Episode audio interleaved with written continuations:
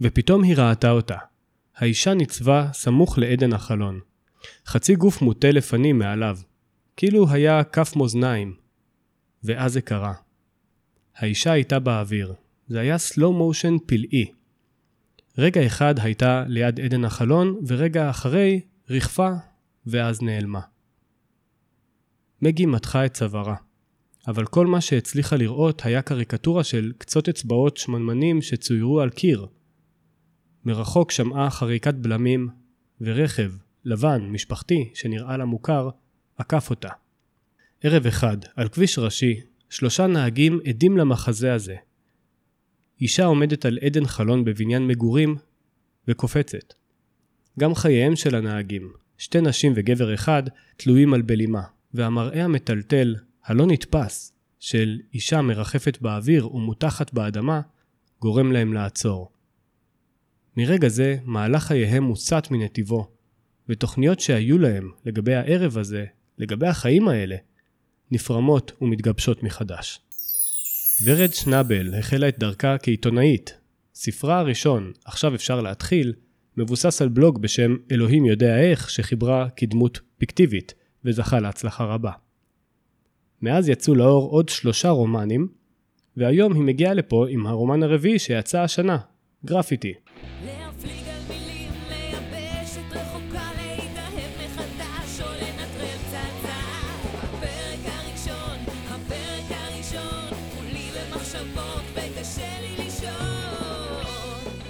הפרק הראשון, הסכת הספרים העברי, בהנחיית תמיר מנדובסקי. היי ורד. אהלן. מה נשמע? הכל טוב. תודה שבאת. תודה שאתה מארח אותי. תודה שבאת במזג אוויר הזה, זה לא מובן מאליו בכלל. לא מובן מאליו, אבל הנה.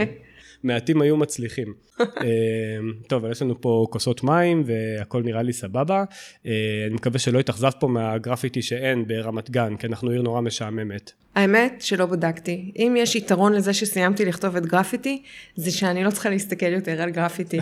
כי כל הזמן שכתבתי, כל גרפיטי שראיתי, הייתי חייבת להיעצר ולראות ולבדוק, אולי יש איזשהו סיפור.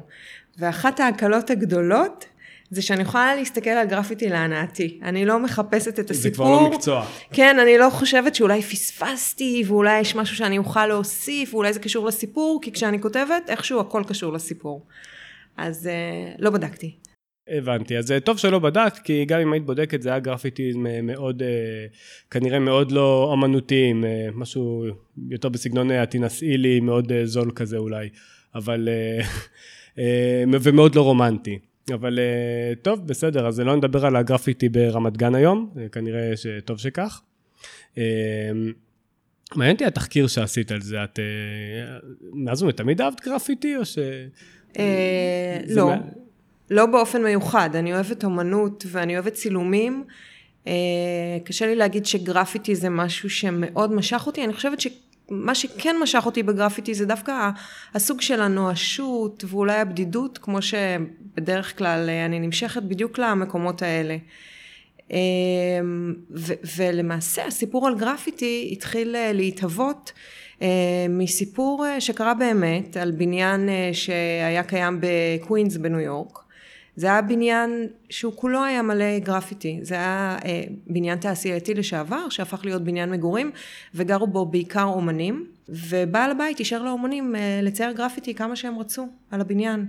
והבניין הזה הפך להיות אה, ממש אה, מקור לעלייה לרגל לסטודנטים לאומנות, לתיירים. אני חושבת שקראו לו אפילו המכה של הגרפיטי. אה, ויום אחד הבעלים של הבניין החליט שהוא מוכר את הבניין והציירים אמרו, סליחה, מה עם היצירות שלנו? אבל זה גרפיטי. בכל מקרה הם נכנסו לאיזשהו מאבק משפטי ויום אחד הם באו וכל הבניין היה מלא סיד.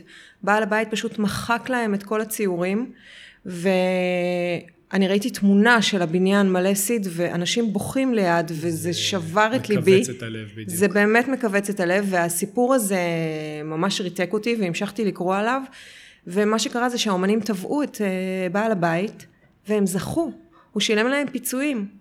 וואו. היה פה, אני לא יודעת, אני, לא רוצה, אני לא רוצה לטעות, אבל uh, היה פה פעם ראשונה אולי של קניין רוחני, לא פעם ראשונה תמחוק, אבל uh, כן, הם זכו על הציורים שלהם והם קיבלו פיצוי, והסיפור הזה, איכשהו גזרתי את הכתבה וזה נתקע לי בראש, וזה התחבר לאיזושהי נסיעה שעשינו, אני חושבת שזה היה לווייטנאם. אה, נסענו, היינו צריכים להגיע בזמן, היינו צריכים להגיע לאיזושהי הפלגה, להגיע בזמן. אה, יצאנו בזמן והכל היה בסדר, אבל תמיד יש את הלחץ הזה שאם לא נגיע, מה יהיה, ונפספס, ו... ואני זוכרת שנסענו והסתכלתי, הראש שלי תמיד בתוך החלון כשאני נוסעת, ועברנו ליד בניינים, הם אפילו לא היו גבוהים, משהו אולי בצבעוניות, משהו משך אותי, אני לא יודעת. ופתאום נכנסה לי איזו מחשבה לא ברורה לראש, מה קורה אם עכשיו אני רואה מישהי עומדת על הגג או על החלון וקופצת. מה אני עושה? אני תיירת, אני לא שייכת לפה, אני ממהרת להפלגה. מצד שני, אישה נפלה. מצד שלישי, אני צריכה להגיע. וזה גם נתקע לי, ואז דמיינתי איך האישה הזאת קופצת מבניין גרפיטי. ומפה זה התחיל בעצם uh, להתהוות, והתחבר באופן מושלם, שזה גם נפל לי האסימון, כשראיתי מישהי שהיא יחסית ידועה, ב, ב, נקרא לזה בקהילה, אה, שלא יודעת שאני מכירה אותה ומכירה את הסיפור שלה, וזה התחבר לי לאישה הזאת, והסיפור התחיל. אז אה, אם דיברנו על גרפיטי. אה, יש איזשהו, לא מונולוג, יש איזשהו קטע ממש בתחילת הספר, שאחת הדמויות ממש נאבקת בשאלה האם לעצור והיא אומרת משהו מאוד נכון, הרי האירוע קרה כבר, אני לא, אם היא חיה היא חיה, אם היא מתה היא זהו, אני לא יכולה לה... אבל אני לא יכולה להמשיך עם היום שלי עכשיו, זה בעצם ה... זאת שאלת השאלות, כלומר, מה אנחנו עושים? אולי אנחנו לא יכולים להציל, אבל אישה קפצה, היא באמת קפצה, היא לא קפצה, זה גם הם לא כל כך יודעים, זה גם הנפילה שלה הייתה כל כך פלאית, היא כאילו ריחפה באוויר, ופתאום בבת אחת היא נעלמה, וזה מה שהיה מרסק, והשלוש דמויות האלה כל אחת יש לה משהו נורא חשוב לעשות, הן לא נמצאות שם סתם על הכביש. אבל השאלה קודם כל האם אנחנו עוצרים את החיים שלנו ואנחנו עוזרים למישהו שאנחנו לא מכירים, או שאנחנו ממשיכים הלאה. ו- ואני חושבת שזאת השאלה שבעצם דחפה אותי להתחיל.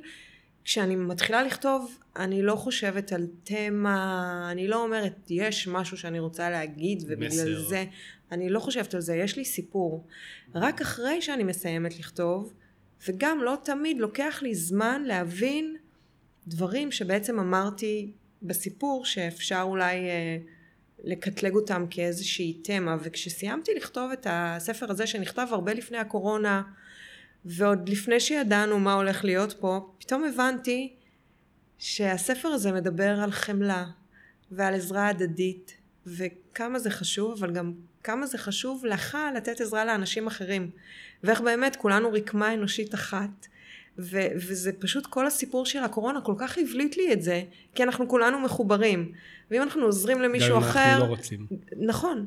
גם אם אנחנו רוצים להיות בודדים, ואנחנו רוצים להיות שקועים ב... אנחנו ביחד. אה, והאמת שתמיד מושכות אותי הדמויות שהן יכולות להיות בודדות, גם אם הן נמצאות בין המון המון המון אנשים. יש לך ממש ריבוי אה, מטפלים אה, ב... בספר. אה, כל, כל דמות היא בעצם מטפלת אם מרצון בחרה בזה או אם, או, או אם שלא מבחירה. ובאמת אני תהיתי תוך כדי קריאה האם זה, האם זה מקרי, האם, האם זה, האם, האם תכננת את זה או האם זה משהו ש... שפשוט קרה, כמו שאת בעצם מתארת, שפשוט קרה ואת בסוף הספר, כשאת מסיימת לכתוב, זה מה שאני מבין ממה שאת אומרת, את בעצם עושה סוג של, אה, לא reverse engineering, אה, נקרא לזה חקירה עצמית, למה כתבתי את מה שכתבתי, ומה המסר שבעצם אני רציתי להעביר פה. וואו, זו שאלה ממש מעניינת. אה, אני לא מתכננת, אני לא יודעת, אני גם לא יודעת מה יהיה המשפט הבא שאני כותבת. אני מתחילה לבנות משהו כי זה, זה פתאום מגיע כמו שהסברתי לך ובדרך כלל הדמויות מגיעות לי מאוד מהר. אני, גם אם אני עוד לא יודעת לתאר אותן, אני לא יודעת אם השיער שחור, כחול או בלונדיני, אני רואה אותם מאוד בבירור, אני עוד לא יכולה להעביר את זה הלאה.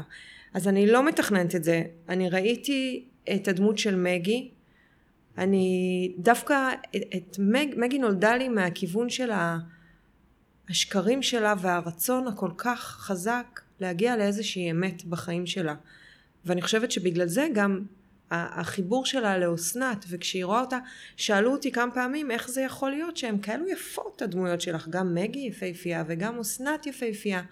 אז באמת את מגי בניתי ככה שתהיה נורא יפה, ודווקא היופי הזה יהיה בעייתי, כי היא גדלה אצל אימא שפשוט אה, שיגעה אותה לגמרי מהחרדות שלה, והיופי הזה היה בעוכריה לחלוטין. אבל אסנת מייצגת בשביל מגי איזה סוג של אמת. ובגלל זה כשמגי מסתכלת על אסנת היא חושבת שהיא יפהפייה כי היא רוצה להיות. אני, אני חושב שאני אציג למאזינים אה, שלא קראו את הספר, את, ה, את הדמויות, אה, ממש בקצרה, כי אני חושב שזה בלתי אפשרי אה, לדבר בעצם על תהליך הכתיבה מבלי להציג את הדמויות שהן דמויות מעולות. הדמויות בעצם שלושת, הדמויות המרכזיות בספר הן הדמויות שבמקרה רואות את ה... שלושת הדמויות שרואות את האישה שקופצת מהבניין, וזה, אין מה לעשות, תוקע עליהם את היום, נקרא לזה. את הלילה. בלשון עדינה, את הלילה, סליחה, נכון. אה, גם על זה יש לי שאלה בהמשך. ואז נציל אותם. כן. אה, אה, מגי, שכבר הצגת אותה, היא דמות, דמות נהדרת, אני מאוד אוהב אותה. בעלת הקליניקה לטיפולי יופי ואסתטיקה. אז אני רק רוצה להעיר משהו, שיכול להיות mm-hmm. שזה משהו בכתיבה שלי, אבל היא, היא בעצם מנהלת את הקליניקה הזאת. Mm. ומנהלת אותה ביד רמה ובצורה מאוד מאוד טובה עם כל מיני טריקים כאלו, אבל אה, כן. אז אני, אני אציג את הדמויות, אה, אני מקריא את, אה, מתוך הביקורת שכתבה דינה צבן בבלוג נוריטה, כי היא סיכמה את זה נורא נורא יפה. מגי, בעלת קליניקה לטיפולי יופי ואסתטיקה, היא, היא שבעזרת מכשור מתקדם ואבקות קסמים עוזרת לנשים למרוח את האמת ולטשטש את גילן, לא מצליחה לברוח מהאמת של חייה. אסנת היא אה, נשואה ו- ואימא לשתי מתבגרות שמרגישה כי מישהו מנסה להתערב אה, בחייה העוברים טלטלה ומרגישה כי, אה, כי אלה לא יהיו אותו הדבר כשם שהיו. ויש לנו את זאב שכבר התחלתי להציג אותו מקודם, אלמן צעיר, היה אדריכל וחלם לעצב לאנשים חיים יפים על ידי תכנון דירות הוא זנח, הוא זנח הכל כשחייו קרסו עם מותה של אשתו האהובה, התמסר לטיפול באמו המבוגרת, אה, טיפול במכאוביה, כי איתם ידע להתמודד, בעוד שמכאוביו שלו המשיכו לכרסם בו אט אט והרחיקו אותו מהחיים. אז כמו שאמרתי מקודם, יש לנו פה את אה, מגי, אה, בעלת אה, קליניקה לטיפולי אה, יופי ואסתטיקה, יש לנו אה, אה, את אסנת, ששתיהן אה, מטפלות, וזאב הוא אה, בעצם מטפל ב... שלא מבחירה, מטפל באימו. משועבד קצת. נכון, בדיוק. אמ, הספר לא מציע פתרונות פשוטים לבעיות המורכבות. והוא מתחיל בעצם מאיזושהי כריכה באמת. אנחנו מבינים די מהר אה, במהלך ה... אה, די בתחילת, זה לא ספוילר, בתחילת הקריאה, שמגי היא בעצם אה, מאהבת אה, של הלל או הלל. אני... אוקיי, לי היה הלל בראש, אז טוב שאת אומרת. בסדר, כל אחד. זה, כן. זה גם נורא מעניין לשמוע אותך מקריא מתוך ביקורות. גם אותי זה נורא מעניין לקרוא סקירות וביקורות. טובות כמובן. רק טובות. כי זה שוב, זה, זה כמו שדיברנו קודם, על קאבר לשיר. כלומר, אני, אני מקבלת גם את המחשבות של אנשים אחרים, מעבר למחשבות שהיו לי, ואני אני, אני פתאום נחשפת לפירושים, ואיך אנשים קראו את זה ומה שקע בתוכם. אז...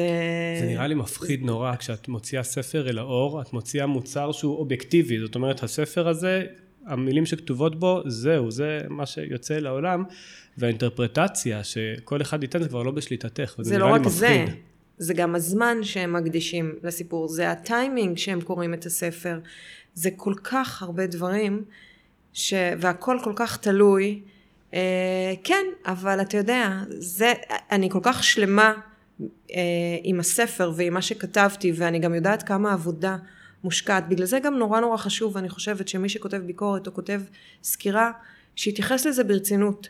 בעדינות. שלא, את, את יודע מה, בעדינות זה תמיד צריך להתייחס לעבודה של בן אדם אחר, אבל גם שינמק ושיהיה ספציפי, ולהגיד אה, ספר סביר, או שיאמם לי, או בוא תספר מה היה חסר לך. לפעמים אני מקבלת מאנשים אה, תגובות שמספרים לי שנורא נהנו מהכתיבה אבל מאוד התאכזבו מהסוף, אבל יודעים איך להביע את התסכול שלהם או את האכזבה שלהם ו- וזה, וזה בסדר, כלומר אני מעדיפה שכולם ימותו על הספרים שלי אבל, אה, אבל זה בסדר ובגלל זה נורא נורא חשוב שאתה כותב משהו אז תתייחס ספציפית לדברים ולא לזרוק סתם דברים, ספר סביר פלוס, אה, דמויות שטוחות, מה זה, תסביר.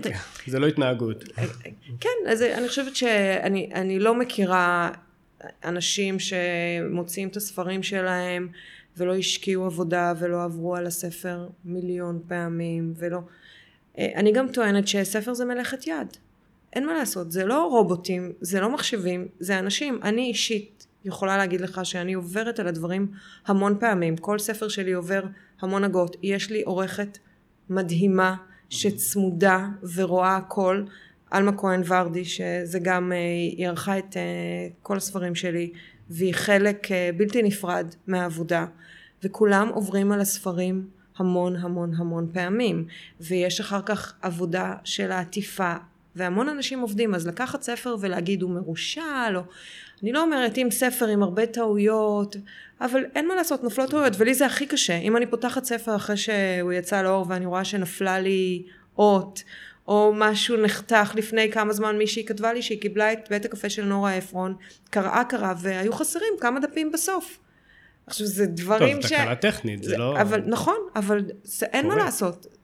ו, ו, ואותיות נשמטות, ודברים קורים, אבל אנשים עומדים מאחורי זה. לא, אז, אז צריך להתייחס לספר כמלאכת יד. למה בחרת דווקא בשם גרפיטי? יש יש לי השערה, אני, אבל אני בכוונה שואל פה שאלה פתוחה. אה, האמת שאני מתחילה לכתוב ואני נותנת אה, שם זמני. כלומר, לא יודעת אם הוא יהיה, לא יהיה, אני לא... אני לא חושבת, אני נותנת שם זמני, וגרפיטי נתתי בגלל שהסיפור התחיל מהבניין של הגרפיטי והייתי mm-hmm. בשיגעון גרפיטי אני כל מקום שהלכתי צילמתי ובדקתי אז קראתי לזה גרפיטי ו- ופשוט השם נשאר והיה לי ברור שהוא יישאר גם הספר הקודם שלי בלגן נפלא mm-hmm. גם בלגן נפלא התחיל כשם זמני והוא נשאר יש לי עוד שאלה, אני, וגם, וגם לה יש לי, הייתה לי איזושהי השערה, ואני, טוב, אני אפרוס אותה עוד מעט. לא, לספר, קוראים, גר, לספר קוראים גרפיטי, אה, העטיפה שלו אה, לטובת אה, מי שמאזין לנו, וכמובן שהיא תופיע בקאבר של, ה, של הפרק הזה. בעטיפה שלו רואים אישה נופלת ממש כמו שמתואר לעילה ולעילה בפרק הראשון שלו, מין נפילה חופשית, היא נראית מאוד רגועה בנפילה הזאת, ומאחורי הקיר אה, ריק, קיר בטון בעצם ללא גרפיטי. יש לזה סיבה? אני חושב, ש... אני חושב שיש לזה סיבה, אני... יש לי השערה. אתה רוצה לשער אתה רוצה שאני אגיד? אה, את יכולה להגיד, אם התשובה נורא קצרה, כי, שכ... כי לא יודע מה, כי שכחנו את זה. תשובות אצלי אף פעם לא קצרות, אבל אני אעשה מאמץ. Uh, הספר הזה מאוד שונה מהספרים הקודמים שלי, כי קודם כל העלילה נמשכת לילה אחד. הייתי חייבת מאוד מאוד מאוד לדייק, ואני מאוד אוהבת לספר ולהסביר. אה, זה לא קשור לדיוק באמת, אבל אני אוהבת, אני אוהבת לתת הסברים, כמו שאתה מבין. והספר הזה, בגלל שהטווח עלילה הוא קצר, ועדיין יש פה את הנפח ואת העומק והמורכבות של רומן, הייתי צריכה להיות מאוד מדויקת. כלומר, לתת במילה מה שהייתי צריכה לתת במשפט. והוא הפך להיות נורא מינימליסטי ומאוד אהבתי את זה ומאוד רציתי להגיע לזה עם הכתיבה שלי ולכן גם היה לי ברור שהעטיפה תהיה כזאת ו- ואני חושבת שהעטיפה עושה פה עבודה מאוד טובה, כי היא בדיוק זה, היא מושכת, היא לא צריכה להיות עמוסה. זה הכל מתחבר להכל. בכלל, כל דבר בספר, כל דבר, כל מילה, כל משפט, כל עצירה, הכל מתוכנן. אין פה דברים של אה, הכתיבה יוצאת וזורמת, אבל זה, זה פאזל, זה פאזל מאוד מורכב עם הרבה הרבה חשיבה וגם הכריכה היא חלק בלתי נפרד מזה. אני חייב לספר לך את הפרשנות שלי לה, כי אני באמת הייתי אני חייבת לשמוע. באיזשהו שלב, אני באמת, הייתי, תוך כדי הקריאה, איפה שהייתי באמצע הספר, ולקראת אמצע הספר אני באמת, אני, אני הבנתי עם עצמי לפחות, אולי זו תובנה רק שלי, למה קוראים לו גרפיטי? כי אני שאלתי את עצמי לאורך, כאילו, בהתחלה חשבתי שזה אולי על אנשים, בנקסי כזה, אנשים שמציירים גרפיטי, ואז מהר מאוד התברר לי שלא. ובאיזשהו שלב אני ממש הייתי, אני עכשיו מחזיק אה, לטובת המאזינים, אני, אני מתאר, אני עכשיו מחזיק את הספר ממש למול עיניי כאילו שאני קורא אותו, אבל אני לא, אני פשוט בוהה בכריכה. וניסיתי לפצח למה, למה דווקא בחרו בזה. אמ, ואז תוך כדי הקריאה זה, זה כאילו היכה בי שהספר בעצם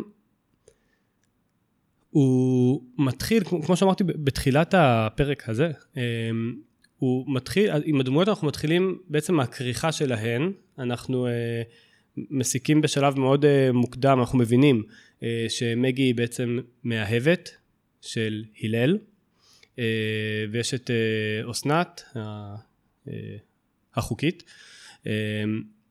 וקל מאוד להסיק מהר מאוד, על, על, על, שוב על הכריכה של כל אחת מהדמויות, אבל לאט לאט אנחנו נכנסים לעובי הקורה, ואנחנו אה, הספר בעצם מדבר על סודות, על, על, על הלבד של להיות אה, אה, ב, אה, בתוך סוד או עם סוד ו, וזה גם מתחבר לי לעיסוק של מגי, הרי היא עוסקת בקוסמטיקה.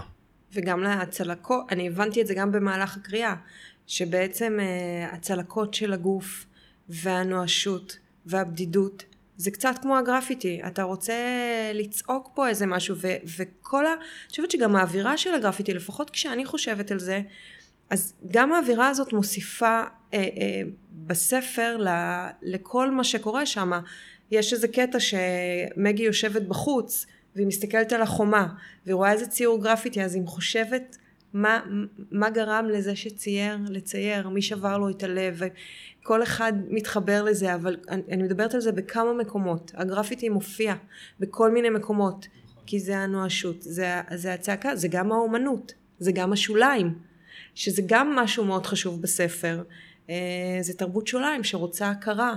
אה, אפשר ללכת עם זה הכיסוי. זה גם הכיסוי. זה, זה, עכשיו זה מה שאני חשבתי שהוא לא פרשנות. זה גם אפשר למחוק, אבל... צלקות אי אפשר למחוק. היה לי, אני יכולה לנתח את זה במשך שבוע לפחות. אני, אני ראיתי את ה... אז באיזשהו שלב היה לי סוג של אוריקה, אמ, ואמרתי לעצמי, אוקיי, הכריכה היא קיר בטון חלק, כתוב על זה גרפיטי, שזה בדיוק, שוב בעיניי, מה שקורה בספר, כי הספר מתאר את, ה, את, את, את הבתוכו. את מה שקורה לא בשכבה החיצונית, את מה שקורה, הוא לאט לאט אנחנו מקלפים את הדמויות ואנחנו לומדים לאהוב את כל, ה, את כל הפצעים ואת כל, ה, ו, ואת כל בעלי הסוד. ולהבין ו... גם כמה זה, כמה זה בעצם עמוק, כמה זה שציור נמצא על הקיר, לצורך העניין, זה לא אומר שהוא לא, שאין בו עומק ושזה, אותו דבר עם הדמויות. אם אתה מסתכל מבחוץ ואתה שופט, הכל, הכל הרי סוג של שקר. ושוב אני חוזרת לעניין של אסנת, איך מגי ראתה את אסנת וראתה את האמת הזאת שהיא מחפשת, את השורשיות, זה מה שהיא רצתה. היא, היא הגדירה לעצמה מין דבר כזה, גם שאר הדמויות מדברות על זה, הדבר הנכון, הן רוצות לעשות את הדבר הנכון, אבל מה זה הדבר הנכון? זוהי לא הפסקה ובטח לא הפסקת פרסומות, זו רק תזכורת חביבה לכך שאם אתם שומעים אותנו דרך הספוטיפיי, אז אתם יכולים ללחוץ על כפתור ה-follow, המעקב, ואז בכל פעם שיוצא פרק חדש של הפרק הראשון, אתם תהיו הראשונים לדעת מזה. אם אתם לא שומעים אותנו דרך הספוטיפיי, אז אתם יכולים לעשות לי פולו באינסטגרם, או להצטרף לרשימת התפוצה דרך האתר, הפרק.co.il, אה, ואז כן, כן, אתם הראשונים שתשמעו את הפרק. והנה אנחנו חוזרים לראיון עם ורד. דיברת מקודם על ה... מה שנקרא בשפה הספרותית, אה, ההווה הסיפורי הקצר. בעצם, במילים אחרות, הספר בעצם מתאר לילה, מה האתגר בתור, זה, זה הספר הרביעי שלך, אה, מה האתגר בכתיבה שכשכותבים 119 עמודים אם אני לא טועה על לילה אחד? האתגר גדול מאוד, כי אתה צריך, אתה צריך התפתחויות בלילה. עכשיו זה לא ספר מתח, זה לא ספר אקשן, חוץ מזה שהפלתי אישה מהחלון, לא, אין שם יריות אה, תאונות והייתי צריכה לפתח, הייתי צריכה לעשות שינוי לדמויות בלילה. זה קשה, זה מאתגר, אבל זה אפשרי, וזה מה שהספר הזה אומר, שגם לילה אחד יכול לשנות לנו את החיים. אני מודה שהדמויות שלי היו מוכנות כבר, הן היו על סף השינוי. כל אחת מהן הרגישה שהן צריכות לעשות משהו כדי לצאת מהמקום שהן נמצאות בו, ובאה האישה הנופלת ובעצם דחפה אותן לעשות את זה. אה, האתגר ככותבת אה, היה להכניס את עצמי למין מסגרת כזאת מאוד מאוד תחומה וקצת קלסטרופובית, אה, שאני פחות מכירה, אפילו לי האווירה הייתה זרה. בדרך כלל כשאני כותבת ספרים אני מחפשת את המוזיקה המתאימה. יש לי פסקול שמתאים לי ממש לכתיבה.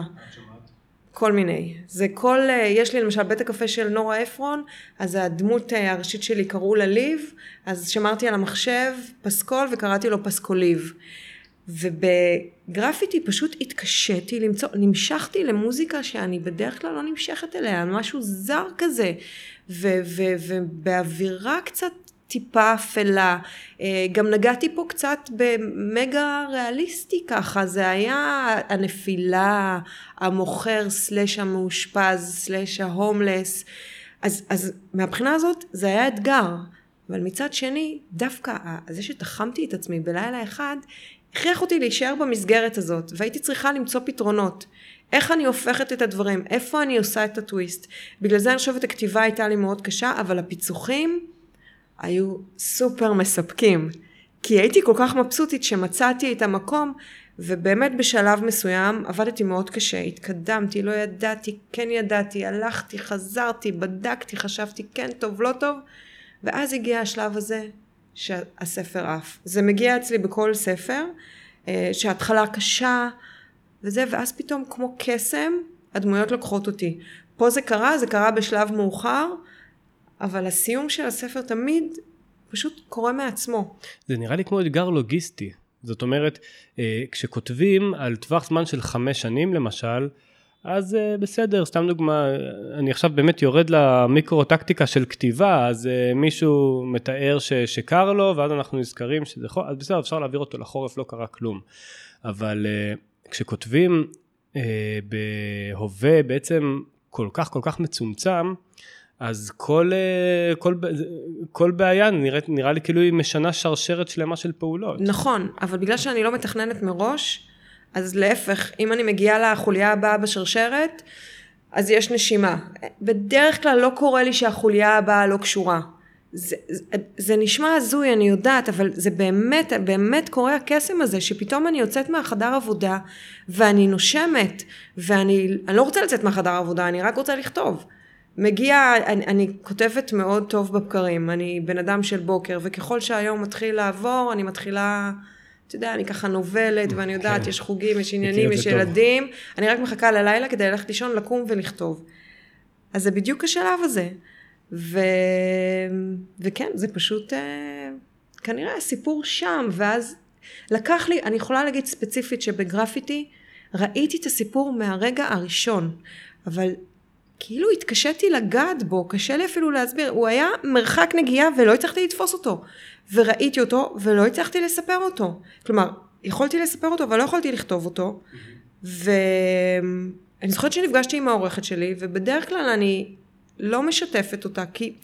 לא כי אני לא רוצה, אלא כי זה חסר טעם, היא צריכה לקרוא התחלה, אמצע וסוף, ואז יש למה להתייחס, לשתף אותה סתם אין בעיה עם זה, אבל לי זה, אני לא אוהבת, אני אוהבת לסיים, או שיהיה לי משהו, ופשוט אמרתי אני חייבת לפגוש אותך, אני לא יודעת מה לעשות עם הסיפור הזה. וישבתי מולה, ופעם ראשונה סיפרתי לה את הסיפור. והיא אמרה, יופי, יש לך סיפור. עכשיו שבי ותכתבי אותו. אז זה היה עוד שלב, והשלב הבא זה היה, גם בדרך כלל זה קורה לי, לקחת דפים, פשוט לכתוב את הסיפור על דפים. ואז אני מצליחה איכשהו פיזית להעביר אותו, ובאמת במקרה של גרפיטי, היה לי מאוד מאוד מאוד קשה לכתוב אותו. כמו שהיה לי קשה לתאר את הדמויות.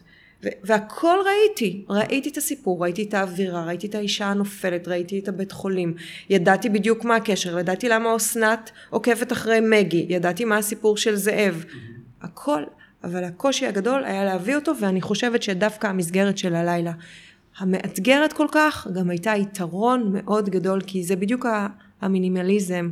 זה גם הסיפורים שמדליקים אותי. שבן אדם פוגש בן אדם בצורה הכי לא הגיונית שיש, ו- ופתאום קורים דברים. אה, או, או אתה רואה בן אדם בודד ואתה חושב עליו משהו ואז מתגלה לך סיפור ענקי מאחוריו. זה הדברים שאני אוהבת, זה הדברים שמניעים אותי, זאת המוטיבציה שלי. ואני נורא נורא נורא שמחה שהצלחתי גם לעמוד באתגר הזה של לילה אחד, ובאמת להוציא מעצמי את הדבר הזה שלא היה לי פשוט בכלל. אז אני באמת מנצל את זה וחוזר אלייך. את הגעת לכתיבה, את בעצם כתבת כל החיים, אבל הגעת לכתיבת פרוזה, לכתיבה של, נהיית סופרת בעצם אחרי קריירה כעיתונאית. ואפיזודה, אני אומר את זה בזהירות, כלא בדיוק בלוגרית, בואי תעזרי לי עם הניסוח. הייתי עיתונאית הרבה שנים, אחר כך הייתי סגנית עורכת בעולם האישה, נסענו לניו יורק וכתבתי, שלחתי כתבות משם לארץ, לעיתון, הייתי כתבת עולם האישה בניו יורק, וכל הזמן, כל החיים נמשכתי לקטע הצבעוני, לראיונות עם אנשים, וגם כשחזרנו אז ראיינתי אנשים, וזאת הייתה, התשוקה שלי הייתה לכתוב, ליצור משהו מעצמי, שלא יגבילו אותי, יגידו לי לכי תראייני מישהו, למרות שתמיד הסיפורים היו נורא מעניינים ובסופו של דבר אהבתי את זה, רציתי להוציא משהו מעצמי וליצור משהו מעצמי, ואז התחלתי להתעסק על, uh, התחלתי להתעסק ב...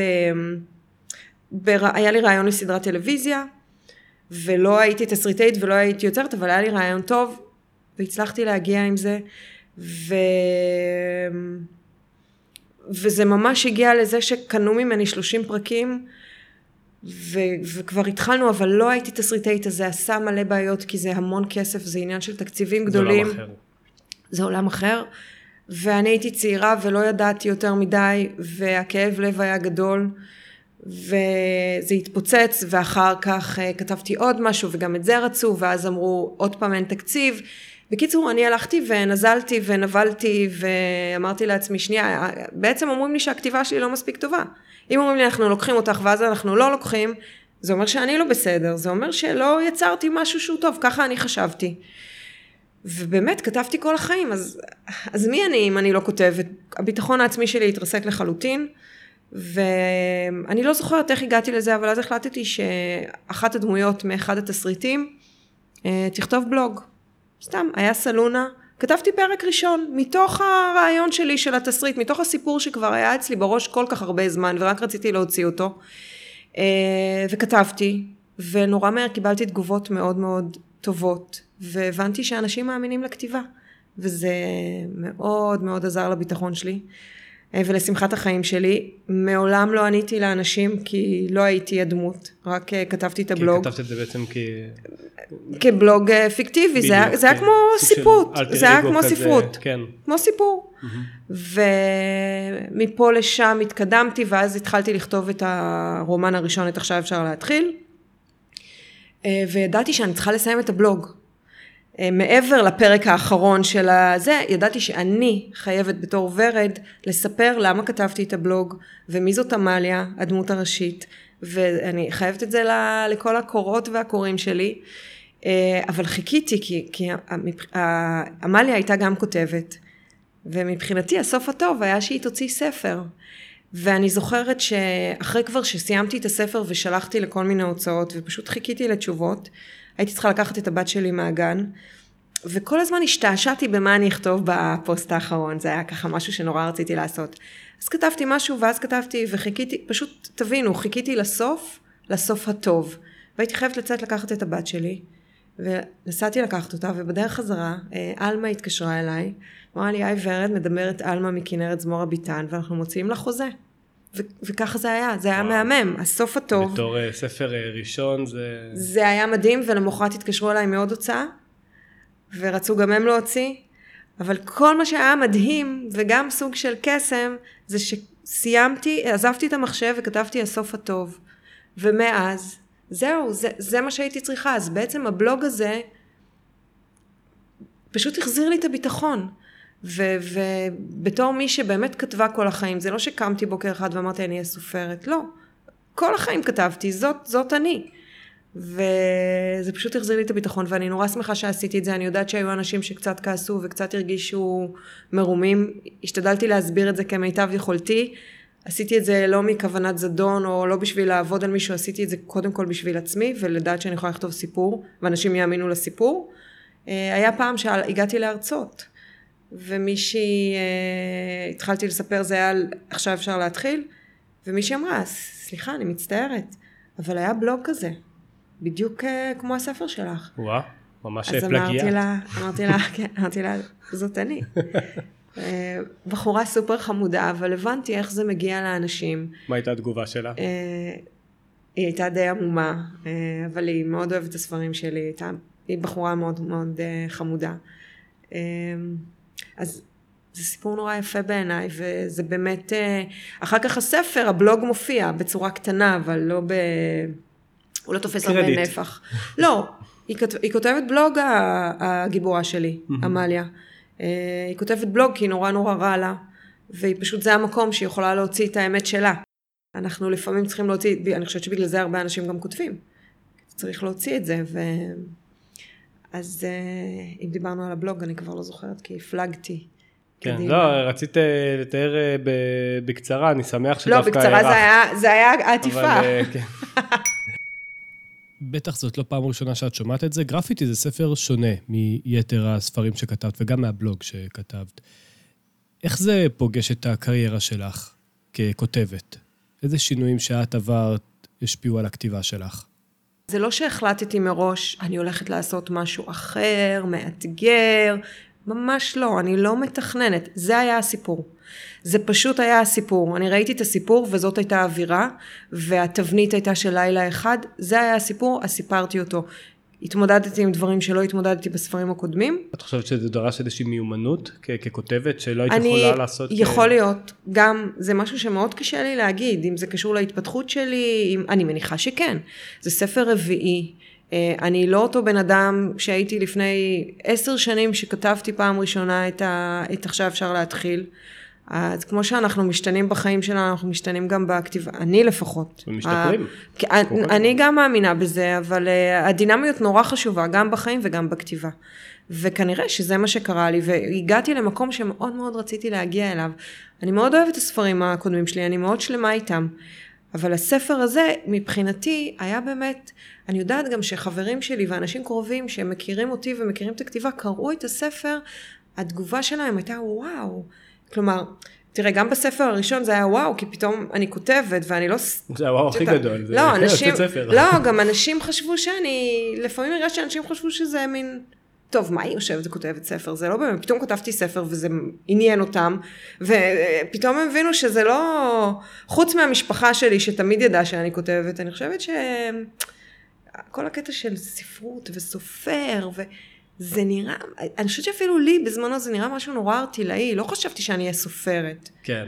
לא חלמתי להיות סופרת, ידעתי שאני אכתוב, כתבתי מגיל אפס. כתבתי וקראתי, קראתי המון. עכשיו, בעניין האזורים האפורים ששאלת אותי, זה בדיוק, זה כל הספרים שלי ככה, כי אני חושבת שאין שחור ואין לבן. הוא נורא ריאליסטי הספר הזה, זאת אומרת, הוא נורא מכיר, ב, אה, מכיר בעובדות הכואבות של החיים, וגם הנקודת מבט היא נורא חומלת. אה, כשאני קורא את הספר, אני קורא אני, אני מניח ש, ש, ש, שאני קורא סופרת אה, עם, עם, עם ניסיון חיים, ש, ש, שמבינה, ש, ש, ש, שחומלת, זה, זה, זה הרגיש לי כמו ספר רביעי.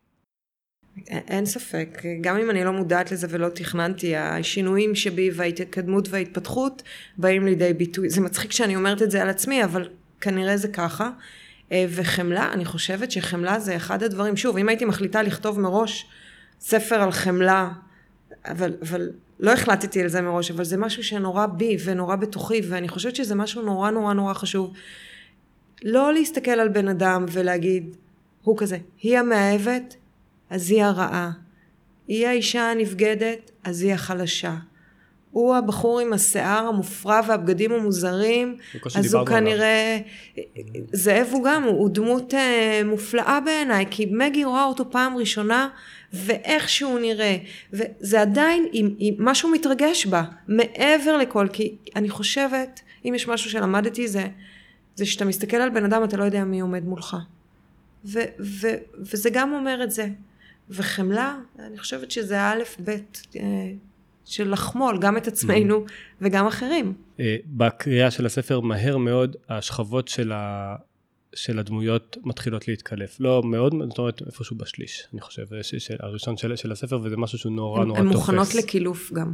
אבל כשאת אומרת שהדמויות מוכנות לקילוף, זה קצת מתחבר למה שאמרת אה, עוד מקודם, שהן כבר היו, נכון. הן, הן, הן היו על קו הזינוק, הן, הן היו צריכות רק את הטריגר. נכון, הן היו צריכות את הפוש הקטן, כן, והפעם לעשות את הדבר הנכון, כי אם מגי הייתה ממשיכה לנסוע, אז יכול להיות שהיא הייתה עושה את הדבר הנכון, אבל בהמשך, ואז היה לזה מחיר. אני חושבת למשל... אפקט הפרפר. מה? אפקט הפרפר. נכון. ודווקא המפגש שלה עם אסנת, הדרך שהם נפגשו, אני זוכרת שעל זה מאוד התלבטתי. אוקיי, אז אסנת, אני עושה פה ספוילר לדעתי, עוקבת אחרי מגי. אוקיי, אסנת עוקבת אחרי מגי, אמרתי לעצמי, מה אני, על מה הם ידברו שהם ייפגשו? זה נורא יפה בדמיון להגיד המאהבת עומדת מול האישה החוקית. מה כן. הלאה? זה לא ספוילר אחד, דרך אגב. זה... זה היה אחד הדברים, באמת, הכתיבה הכי מעניינת. זה היה, לא רק שזה היה אתגר, גם נהניתי לכתוב את זה, הבנתי מה יקרה. לאורך כל הספר אני, אחד הדברים שהכי החזיקו אותי זה האם העימות הזה יתקיים, האם, אה, האם אה, אסנת הנבגדת תגשים את, ה, את החלום שלה, ואת, לא את החלום, סליחה, את, ה, את הרצון הקמאי הזה, לעמוד מול מגי ולהגיד לה הכל אה, in the face. ואם כן, מה היא תגיד בכלל? מה אומרים? נכון, ואנחנו לא נגיד אם, אם זה קרה או לא. אולי זה קרה ואולי לא. אה, מה הלאה? אנחנו צריכים uh, כבר uh, לסיים עוד מעט, אבל... מה הלאה? זאת שאלה שתמיד אני שואל את כל המרואיינים והמרואיינות, וכל פעם הם מפתיעים אותי. אז אני, הדמויות לספר החדש כבר בראש שלי. אני חייבת לכתוב, אני חייבת להמשיך. אני נותנת לספר שיצא, נניח, זה חצי שנה של חגיגות. אבל מה שאני הכי רוצה והכי מעדיפה תמיד זה להיכנס לחדר העבודה שלי ולכתוב וזה לא קלישאה ואני לא אומרת את זה כי צריך. זה הדבר שמרגיע אותי זה הדבר שמשמח אותי. עם כל התסכול והייסורים של כתיבה ובטח כשמתחילים זה אני כשאני מתחילה כשאני כבר מתחילה להרגיש את ההתחלה של הכתיבה אמרתי מלא פעמים להתחיל בהתחלה אבל כשזה מתחיל להגיע אני נעשית משהו בי נרגע כי בסדר, יצא ספר, זה נהדר, אבל החוכמה מבחינתי זה לכתוב את הדבר הבא, ולהוציא את הדבר הבא, ו- ו- ולראות לאיפה אני, לאיפה אני הולכת, וכבר אני מתחילה לראות צילומים, וזה מתחבר לי. זה גם קורה לי. איכשהו, מה שאני רואה, ואני מתייחסת, קשור לדבר הבא. אז זה עדיין מאוד ארטילאי, ועדיין, אבל יש לי כבר את הדמויות. את מהסוג שמתחילים לכתוב אה, מספר סצנריואים וחלק מפסיקים, לא, חלק לא, לא או אלה שמתחילים לא, לא. ומסיימים את מה שהם התחילו? זה מבלבל אותי, לפעמים יש לי כמה רעיונות. ואחד השלבים הקשים זה להחליט על מה אני מתחילה, וכשאני מתחילה אני, אני לא יכולה לעזוב את זה. לא קרה שהתחלתי לכתוב ספר והפסקת באמצע? לא, וגרפיטי אגב היה ספר שפעם ראשונה בחיי עלתה לי בראש המילה לגנוז. ואני לא מאמינה בגניזות, אני מאמינה שכל טקסט אפשר לעבוד עליו. והייתי כל כך, וכל הזמן ניסיתי לברוח ממנו. אמרתי, מה זה הסיפור הזה? לילה אחד, ומה אני עושה? ואני לא מצליחה לספר אותו, אני רואה אותו, אני לא מצליחה... אז, אז היה לי מין אה, כאלו, אבל לא. והיו לי עוד רעיונות. ויכולתי לברוח למקום, לא, זה כי נתקע, וזה מה שאני אעשה. אז, אז בהתחלה יש לי, אני אומרת, אני אכתוב את זה, אני אעשה, ויש לי תמיד כל מיני פרויקטים, גם uh, על. חיים.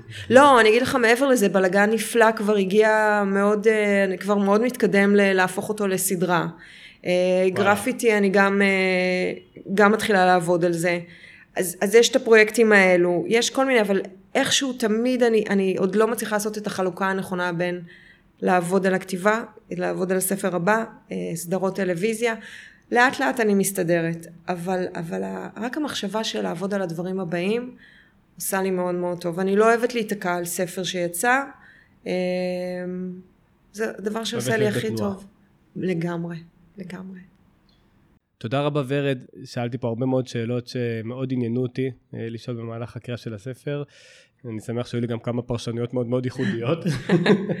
אה, יאללה, את רוצה להקריא את הפרק הראשון? בשמחה, אבל אני רוצה כן. להגיד לך קודם תודה רבה, שאני מאוד נהניתי. אנחנו נפרדים בסוף, חכי, יש עוד...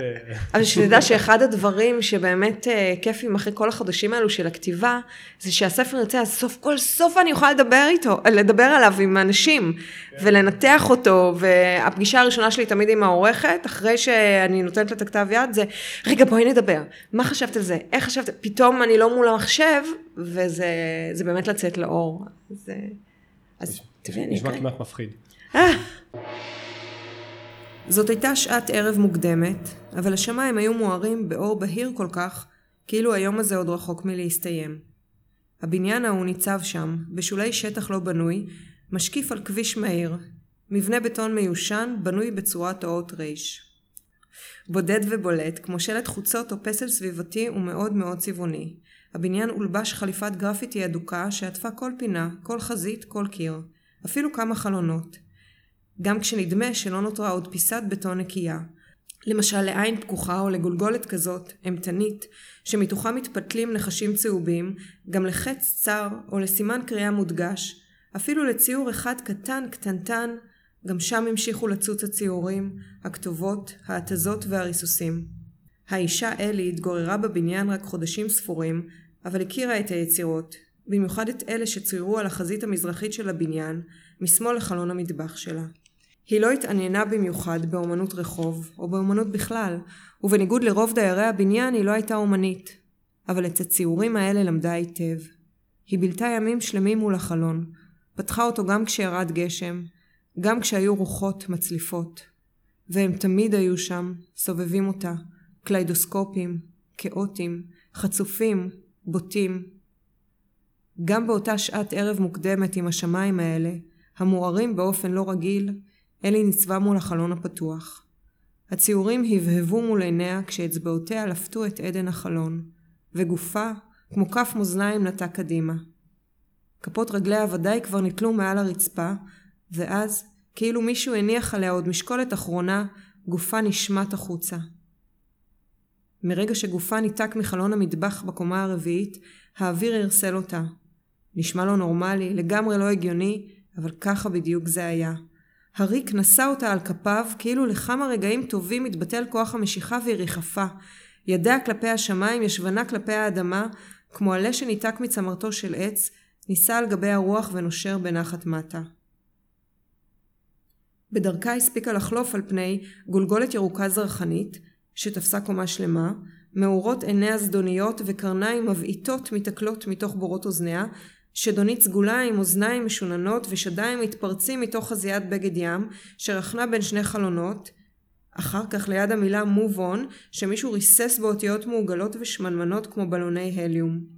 ולבסוף גולשת כמעט עד לארץ, בגובה שתי קומות, על פני כף יד פתוחה ומעוגלת כעלי כותרת, שרוססה בטכניקה מדויקת כל כך, עד שנראה כאילו האצבעות הבשרניות ומלאות החיים היו מוכנות ומזומנות לאחוז בה, באישה, באלי, לאסוף אותה, להציל אותה אולי, אבל לא.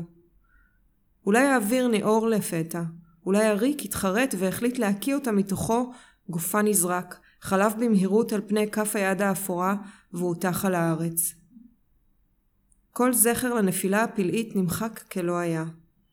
מצאו אותה כך, ראשה נותן נטייה חטאה לשמאל, שקוע בחציו בקערת מים מלוכלכת שהושארה לחתולי הרחוב, רגליה מקופלות תחתיה, כפות ידיה קמוצות. מרחוק התמזג מראה גופה השבור עם צבעיה העזים של הצמחייה הפראית המרוססת שכיסתה את הקיר מאחוריה. השוטרים שהגיעו לשם לא ידעו אם קפצה או איבדה שיווי משקל. הם חיפשו רמז, מכתב או אולי סמרטוט, ולא מצאו דבר. לא שם ולא בדירה שלה. גם השכנים לא ידעו לתת תשובות. הם לא הכירו אותה, את אלי. הצוות הרפואי העניק לה טיפול מציל חיים בשטח, והבהיל אותה לבית החולים. מאחור נותרה נעל, ימין, הראשונה שהתנתקה מגופה, והראשונה שפגעה בקרקע. וגם הטלפון הנייד שנפל איתה, והתגלגל אל פתח ניקוז סמוך ונסתר מעיני השוטרים. איזה יופי של פרק ראשון. תודה רבה על הפרק הזה, ורד, אה, ותודה רבה על ההקראה. עשית, אה, עשית עבודה לעילה ולעילה בתור מקריאה, תשקלי. אה, תגידי, איך משיגים את הספר? מה הדרך הכי טובה? Uh, הספר נמצא בכל החנויות, בחנויות סטימצקי, בצומת ספרים. הדרך הכי טובה להשיג אותו הוא להזמין אותו ישירות מההוצאה. Uh, לפי מה שהבנתי השירות uh, יעיל הוצאת, ומהר. הוצאת כנרת זמור הביטן. שאנחנו להיכנ... מודים לה גם על, על הזכות להקריא את הספר, כמובן. נכון, ובכלל על זה שהם הבית שלי. אה, זאת הדרך הכי מומלצת, יש שם גם את כל הספרים הקודמים שלי. אז, אז, אה, אז אה, למאזיננו שרוצים לרכוש את הספר, הכי טוב לכתוב פשוט בגוגל גרפיטי, ורד שנאבל, ולהיכנס לאתר של זמור הביטן, להזמין משם, יש משלוחים. יש משלוחים, מי שמעדיף, אז יש גם גרסת אודיו באייקאסט, בקריינות מקסימה פשוט. של אה, ריקי בליך. שכבר החמאנו לה ב, לפני שני פרקים, ממש בפודקאסט הזה. אז, כן. אז ממש כיף. אה, כמובן שאפשר להוריד את הספר גם בגרסה הדיגיטלית, באתר עברית. עכשיו רק נותר לבחור איך אתם אה, מעדיפים לצרוך את הספרות שלכם ב-2021. אה, המון תודה לכם, אה, למי שנשאר עד עכשיו. אה, תצטרפו אלינו לאינסטגרם של הפרק הראשון, אני עושה שם לפעמים סקרים וצחוקים, אה, אתם ממש מוזמנים. תעשו לנו לייק בפייסבוק, תצטרפו לרשימת התפוצה, ומוזמנים גם לעקוב אה, אחרי, אחרי ורד במדיות השונות, רוצה לתת במה לאיזושהי מדיה מסוימת? תבחרו מה שבא לכם. יאללה, תכתבו ורד שנאבל בגוגל, תגיעו בטח למגוון מדיות כראוי. בזמננו, ויאללה, ניפגש בפרק הבא. תודה רבה ורד, שוב. תודה רבה, תמיר, שאירחת אותי, היה לי מאוד מאוד כיף. יאללה, ביי.